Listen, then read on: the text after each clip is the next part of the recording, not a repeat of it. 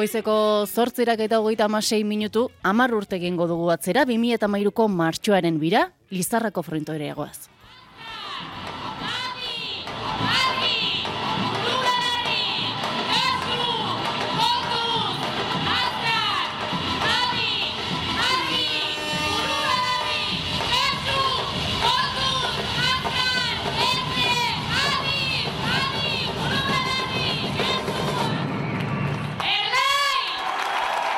Gazte zugua sorrera prozesuari amaiera eman da, dozenaka lagun batu zen Lizarrako frontoian, ernai gazte antolakunde izango zenari ongi etorria ematen. Logotipoa, izar eta guzti, zer bat buru uste ekarri dizkigune. Antolakuntzaren urdina, independentziaren berdea, feminismoaren morea, eta sozialismoaren gorria. Irauntzarako gogoa eta zilikatzeko grina. Zazpi hilabete irauntzuen e, sorrera prozesuak, egun dalaro gehierri, eta 2000 bosteun gazte bildu zituen eztabaidetan eta antolakunde eratuta, ilegalizazio aldi luze bati bizkarre mantzion, eskerra bertzalearen gazte antolakundeak, sortu, lapsindikatua eta euskal preso politikoen kolektiboarekin batera, eskerra bertzalearen antolaketa berriko gazte natala bilakatu zen horrela, independentismoa, sozialismoa eta feminismoa ardatz, gazteak horien bueltan elkartzeko dei egin zuen astapen horretan ernaik.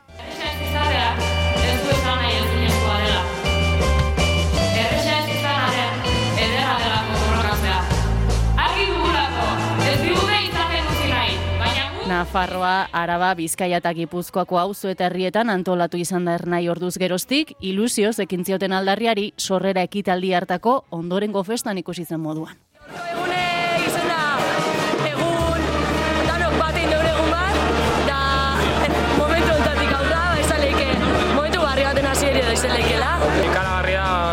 Pasa ditugun urte guztik pasata gero, ba, frontoi guzti bat betetzea jende guztikin, animoa egotzen dio edo zeini. Nago kongresuarekin eta gazte antolakunde berriaren eh, aurkezpenarekin oso emozionatuta. indarra badekogu, gogoa dekogu. Beste prozesua, inbeste eztabaida eta ja, ikia, gauzak ikia. Ikusten da intzarra daula, gogoa bai, eta txake. Oso pozarria ikustea beste, beste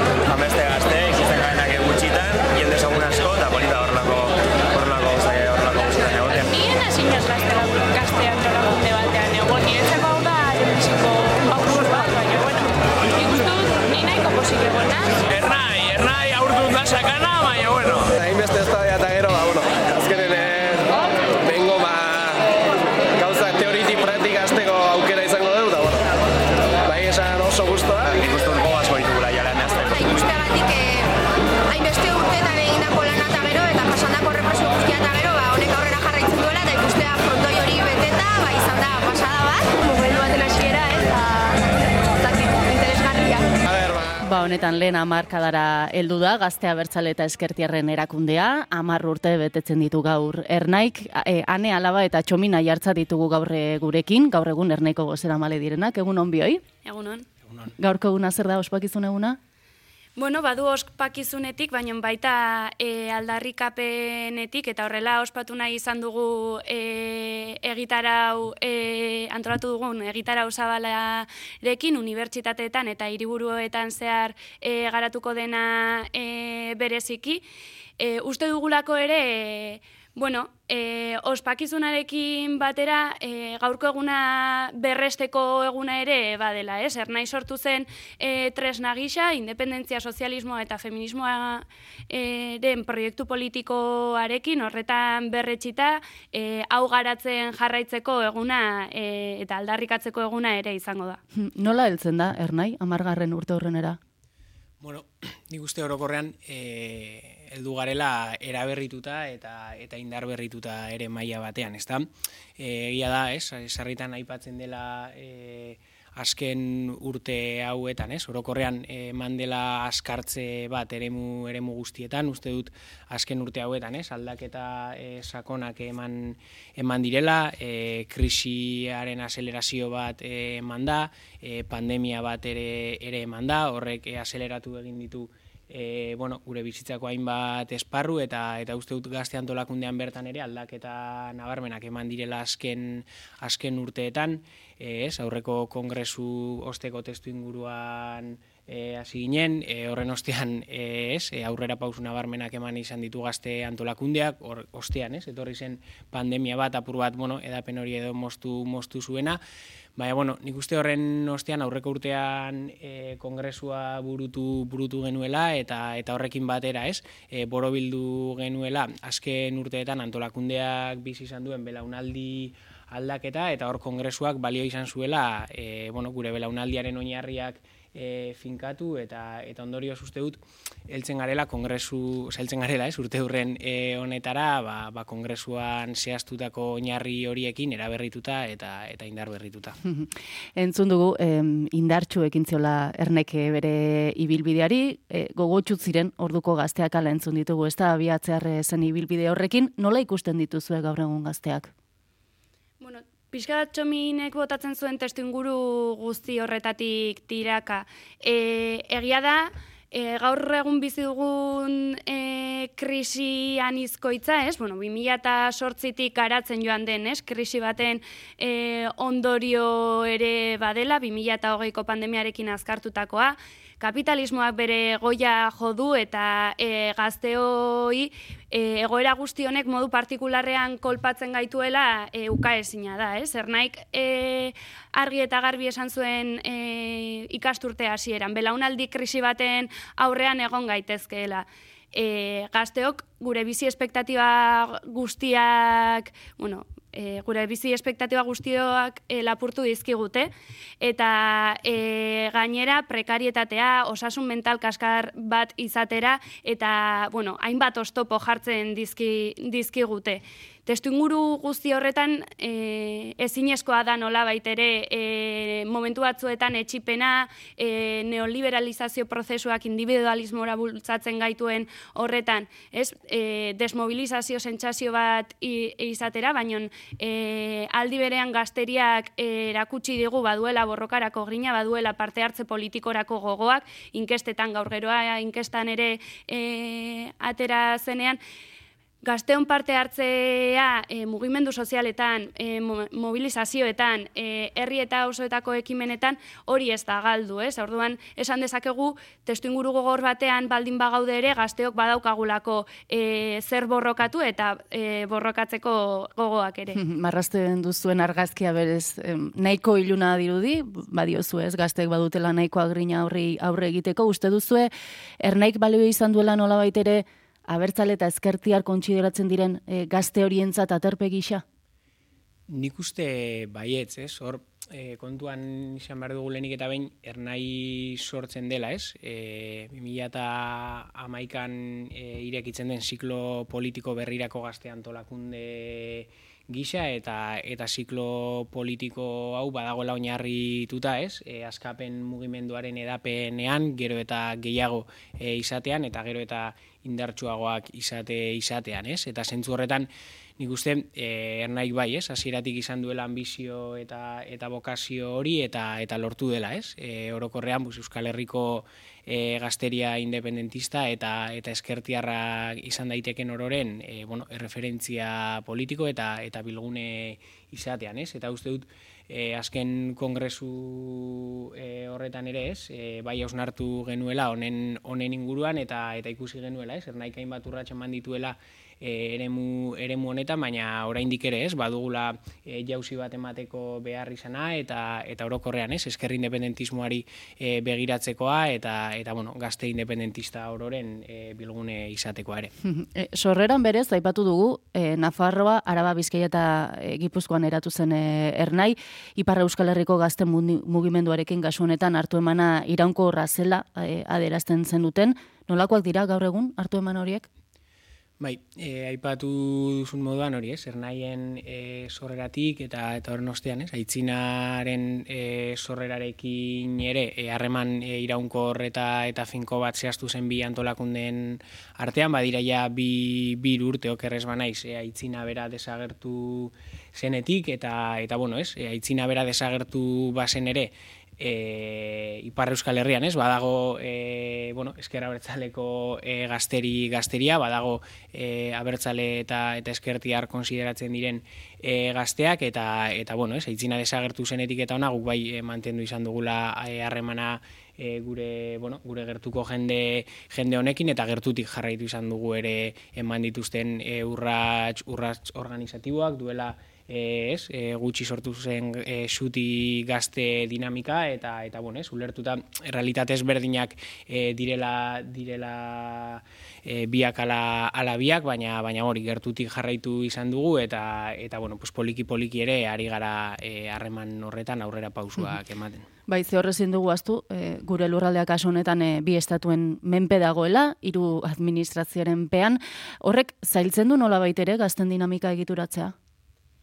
Zailtzen du orokorrean e, bai dinamikak, bai e, e, lorpenak eta e, ez materializatzea aldarrikatzen ari dugun guztia. Azkenean buru jabetza e, eza, e, bueno, bidegurutze batean aurkitzen garen netan gure erabaki propioak hemendik pentsatutak eta herrit, hemengo herritarron mesedetan egongo direnak e, bueno, gauzatzea zaila da, ez? Eta gazteon errealitatera eraman da, eta gazte dinamiketara eraman da, e, argi eta garbi ere zailtzen du. Azkenean errealitate politiko ezberdinei e, erantzun behar dio, bai ernaik, eta bueno, e, bere kasuan e, xuti, eta honek batzuetan e, tempusetan, e, aldarrikapenetan, e, estrategian e, tempus ezberdinak, karril ezberdinak, eta garatzea e, eskatzen digu.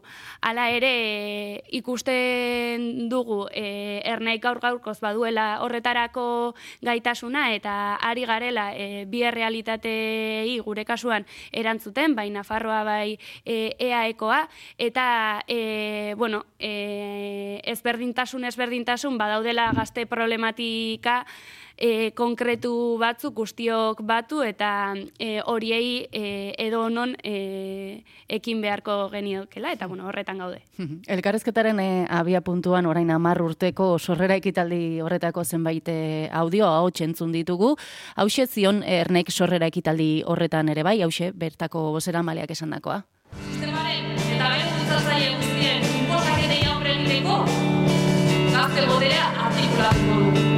Eta gure burua ahondu dutotu horretarako. Kontzentzia bat zabalduz, eta gazte horori borrokarako esparruak eskainiko dizkiogu. Horrela, lortuko dugu irautza soziala. Horrela, estatu sozialista eta feminista eraikiko dugu. Gazte boterea aldunduta indarrean e, den sistema nolabait ere iraultzeaz ari ziren orduko bozera maleak, gaur egun zein irakurketa egiten duzue sistema horretaz? Bueno, nik uste bere garaian, ez, hitz egiten bazen sistema hori bera iraultzaren behar izanaz, gaur egun kasik arrazoi gehiago edo edo pisuzkoagoak daudela horretarako, ez? Egia da, ernai 2000 eta mairuan sortzen dela, 2000 eta sortziko krisi ekonomikoaren testu inguru, testu inguru horretan, eta eta nire patu duan moduan, ordutik eta ona ez, e, nola biteko bueno, e, sistemaren e, balioen eta eta kaskartze ekonomikoaren sakontze nabarmen bat eman, eman da, eta Eta uste dut, bueno, e, azken urte urte hauetan e, sistemaren beraren, ez? E, e, krudelkerian eta eta aurpegirik e, gordine gordinenean sakondu sakondu dela, ez? Eta eta uste dut hori eremu desberdinetan eh bueno, e, frogatu edo edo erakusten dela batetik e, plano e, ekonomiko ekonomikoenean eta eta bizi baldintza materialei dagokionean e, nabarmena da azken urteetan e, bereziki e,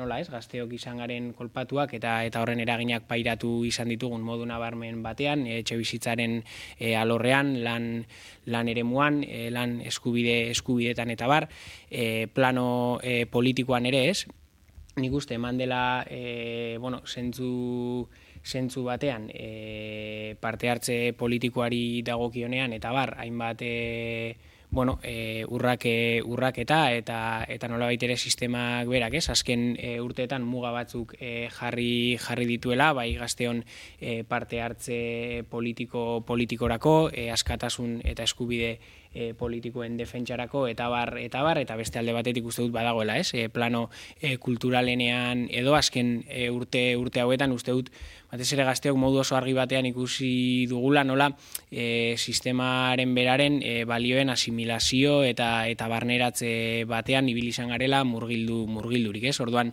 esan bezala uste dut azken e, 10 urte hauetan e, bueno, sistemak berak, ez? E, are gogorrago eta eta modu krudelago batean kolpatu gaituela gure bizitzako e, esparru guztietara sartzeraino eta eta ondorioz ba, sistema hori bera iraultzeko arrazoiak e, egon badaudela aski soberan. Zeintzu dira, e, ataka horiek batez ere diote, gaztek bizitza duin bat edo e, izatearen ikuspegitik zeintzu dira oztopo nagusiak? Bueno, e, lehen aipatu ditugu pixka bat, ez? Prekarietatea, emantzipazio, em- emantzipatzeko ezintasuna, ikasketa prozesu etan aurkitzen ditugun oztopo guztiak, matrikulas gaindiko e, tasak, e, kostuak oroar, eta gainera ikasketa prozesu hauek zertara e, bideratuta dauden ere e, oztopo bera da gure garapen e, pertsonal, militante eta bizitza e, duin, baino baita bizi eredu eraldatzaileak garatzeari begira. Baita aipatu dugu osasun mentala, ez? Eta gaur gaurko agendan dagoen bizitzaren garestitzea oroar.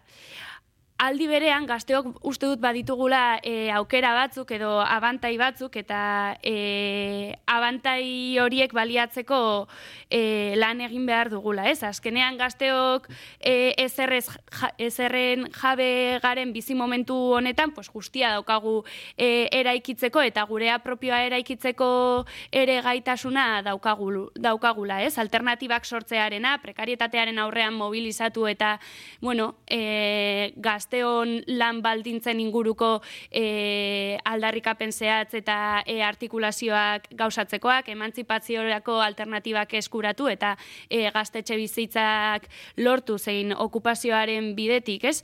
E, hau gauzatu ikasketa prozesuan, ez? Pues bestelako ikasketa eredua eredu baterako alternatibak e, sortzea, ez? Azkenean gazteok bagara e, kriston potentzialitatea daukan sujetu politikoa eta e, daukan horretatik ernaik e, lan egin behar du, bai ahots propios, bai gainontzeko e, ez gazte mugimenduaren zabaltasunarekin.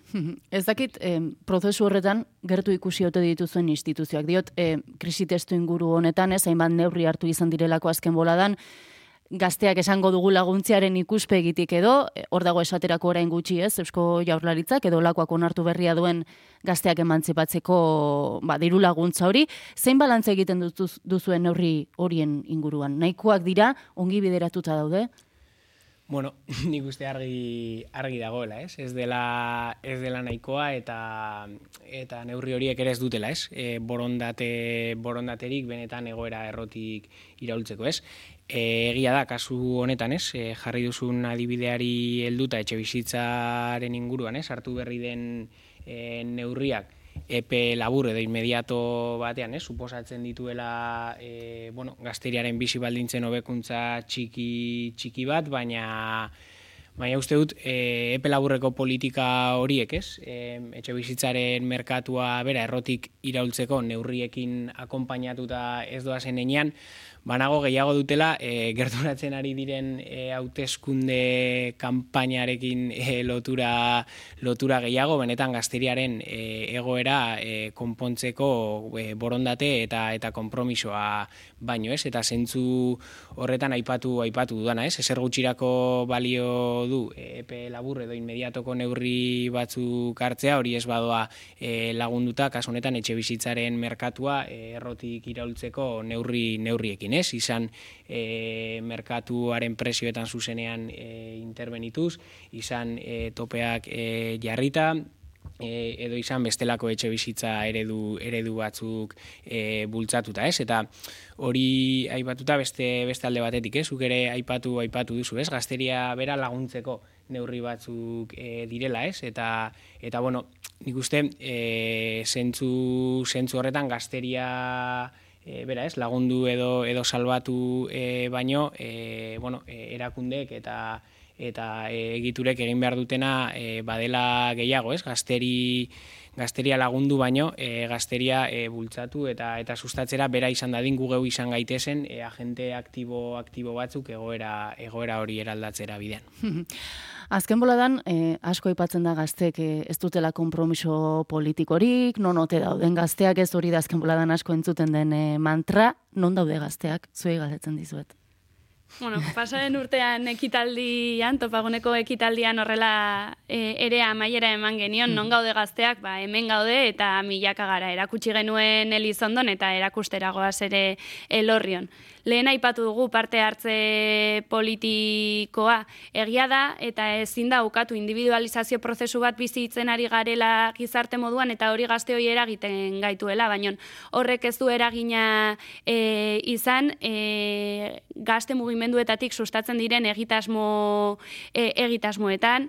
E, hauetatik e, ditugun gaitasunak e, proiektu eraldatzaileak e, bultzatzeko. E, uste dut e, lehen aipatu dudan gaur geroako e, inkesta horretan euneko iruro geia e, parte hartze politikoa noiz baita izan duela eta e, izan nahi duela edo jarraitu nahi duela, ez? E, inkluso euneko lauro geia noiz bait mobilizazio batean parte hartzea aitortzen zuen, ez? Gazteak bagaude e, eraldaketarako prest, e, galdera da e, ea gizartean nahi du nahi duen gu honen motore izan eta gazteok exigitzen dugun guztiaren e, mesedetan gurekin batera lan egin. Eta hor uste duzue gazteak pres daudela nolabait ere urrats hori emateko eta adibidez ez dakit instituzioetarako jauzi hori egiteko ze hori ere ez baian jarri izan den gauzetako bada, ez? Zer nolako konpromisoa duten gazteek adibidez politikako lehen lerro horretan egoteko nola ikusten duzue? Bueno, di uste politikaren lehen lerroa bade, badoala, ez? E, instituzioetatik edo edoiko politika konbentzionaletik askoz e, aratago, ez? Eta eta uste dutan ekaifatu duen moduan e, bestelako eremu horietan ere gazteok bagarela protagonista, ez? Eta Hala nik uste argia dela, ez? E, oroko rean e, politika konbentzionalarekiko e, urruntasun bat e, badagoela, ez? Eta eta berezigi gazteriaren gazteriaren artean eta eta nik uste orokorrean azken e, datu eta eta inkestek ere erakusten dutela, ez? E, ere sistema liberal demokratikoa nolabiteko krisi batean e, dagoela murgilduta, da ordezkaritza krisi bat e, dago, ja da e, alderdi e, konbentzionale galdu dute gizartearen e, ordezkari izaera, izaera hori, e, gert, e, gertutasun hori ere ez, galdu eginda eta konfiantza maila hori ere galdu, galdu eginda ez, jendartearen eta e, eta instituzioen artean ikuste hori ematen dela eta eta datuek e, agerian uzten dutela e, badagoela ez, gert, e, urruntasun hori gazteen eta e, egitura edo instituzioen artean, baina baina era berean uste dut e, lehen, lehen aipatu dugun moduan e, politika konbentzional edo edo formal e, horretatik kanpo e, gazteria badagoela. Politika e, eraldatzaileko bestelako e, espazio e, batzuetan eta eta gazteriak baduela konpromiso e, politiko politikoa, e, bueno, bestelako eredu baten alde lerratzen diren e, proiektu proiektuekin, eh? izan alderdi eraldatzaileekin, zein bestelako mugimenduekin eta uste dut hor badaudela datu e, argi argi batzuk, hau da EH bildu da e, boskatzen duten gazten e, artean boskatuna den e, alderdia, e, alde nabarmenarekin e, gainera, baina hortik aparte ere, ez, uste dut azken e, urteetan egon diren olatu sozial handienak, feminismoa eta eta ekologismoa direnak, nekez ulertu daitezkela e, gazteriak bertan izan duen presentzia eta eta pisu pisu barik, ez? Orduan, nik uste apur bat zabaldu behar dugula ere ere begira da, ez? Eta eta ulertu, bueno, e, badagoela gazteriaren partetik politika konbentzionalarekiko urruntasun bat, baina baina gazteok aipatu moduan eta nekondo azaldu duen moduan bagaudela, ez? E, politikaren bestelako esfera batzuen lehen e, lerroan. Bueno, irudikatu diguzuen e, argazkia nahiko beltz irudikatu diguzuen arren, e, biztan da gazteok badaukazuela, ez? Gauzak eraldatzeko grina eta indarra ere bai, aipatu duzu ospatzeko motiboak ere bai, ernairen amargarren urte hurren atarteko, ez dakit gazte topagunea ere, aipatu duzulako horretarako motibo ere izango den?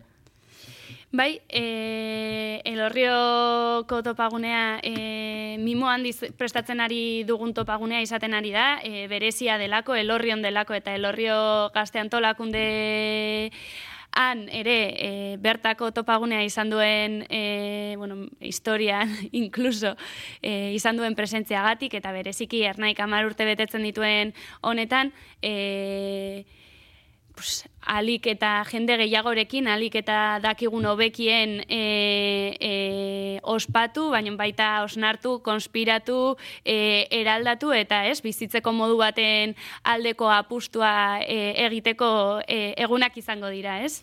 Zergatik izango da garrantzitsua bertan egotea txomin?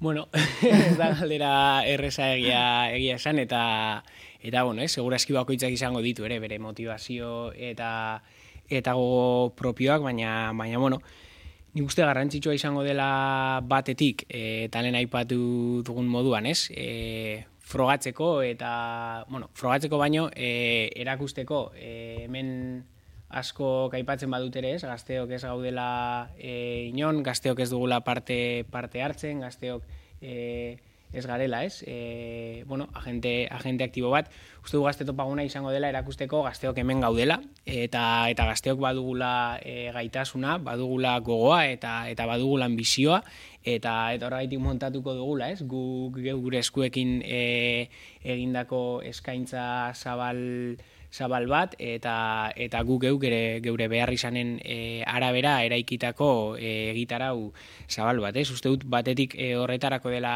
garrantzitsua gazte topagunean bertan e, egotea eta eta horri lotuta bueno, ba, esango nuk ere ez, e, beste alde batetik ez, e, gazte topaguneak baduen bestelako berezitasun bat, badela, e, gaur egun ez, horren beste datzen dabiltzan jaialdi eta aixialdi eskaintza e, bueno, merkantilista horien aurrean bestelako eredu bat eskaintzen duela gazte e, topaguneak guk geu geure behar izan propioen arabera eraikitako e, eskaintza, eskaintza bat eta eta uste dut horrek baduela, ez? Bere baitan ere balio e, politiko handi bat eta eta horren beste uste dut bueno, amaltasunez, baina baina bai maila batean esan dezakegula, pues sentzu horretan gazte topaguneak baduela, ez? Berezitasun, e, bere berezitasun propioa eta eta zaindu behar dugun e, egitasmo bat dela.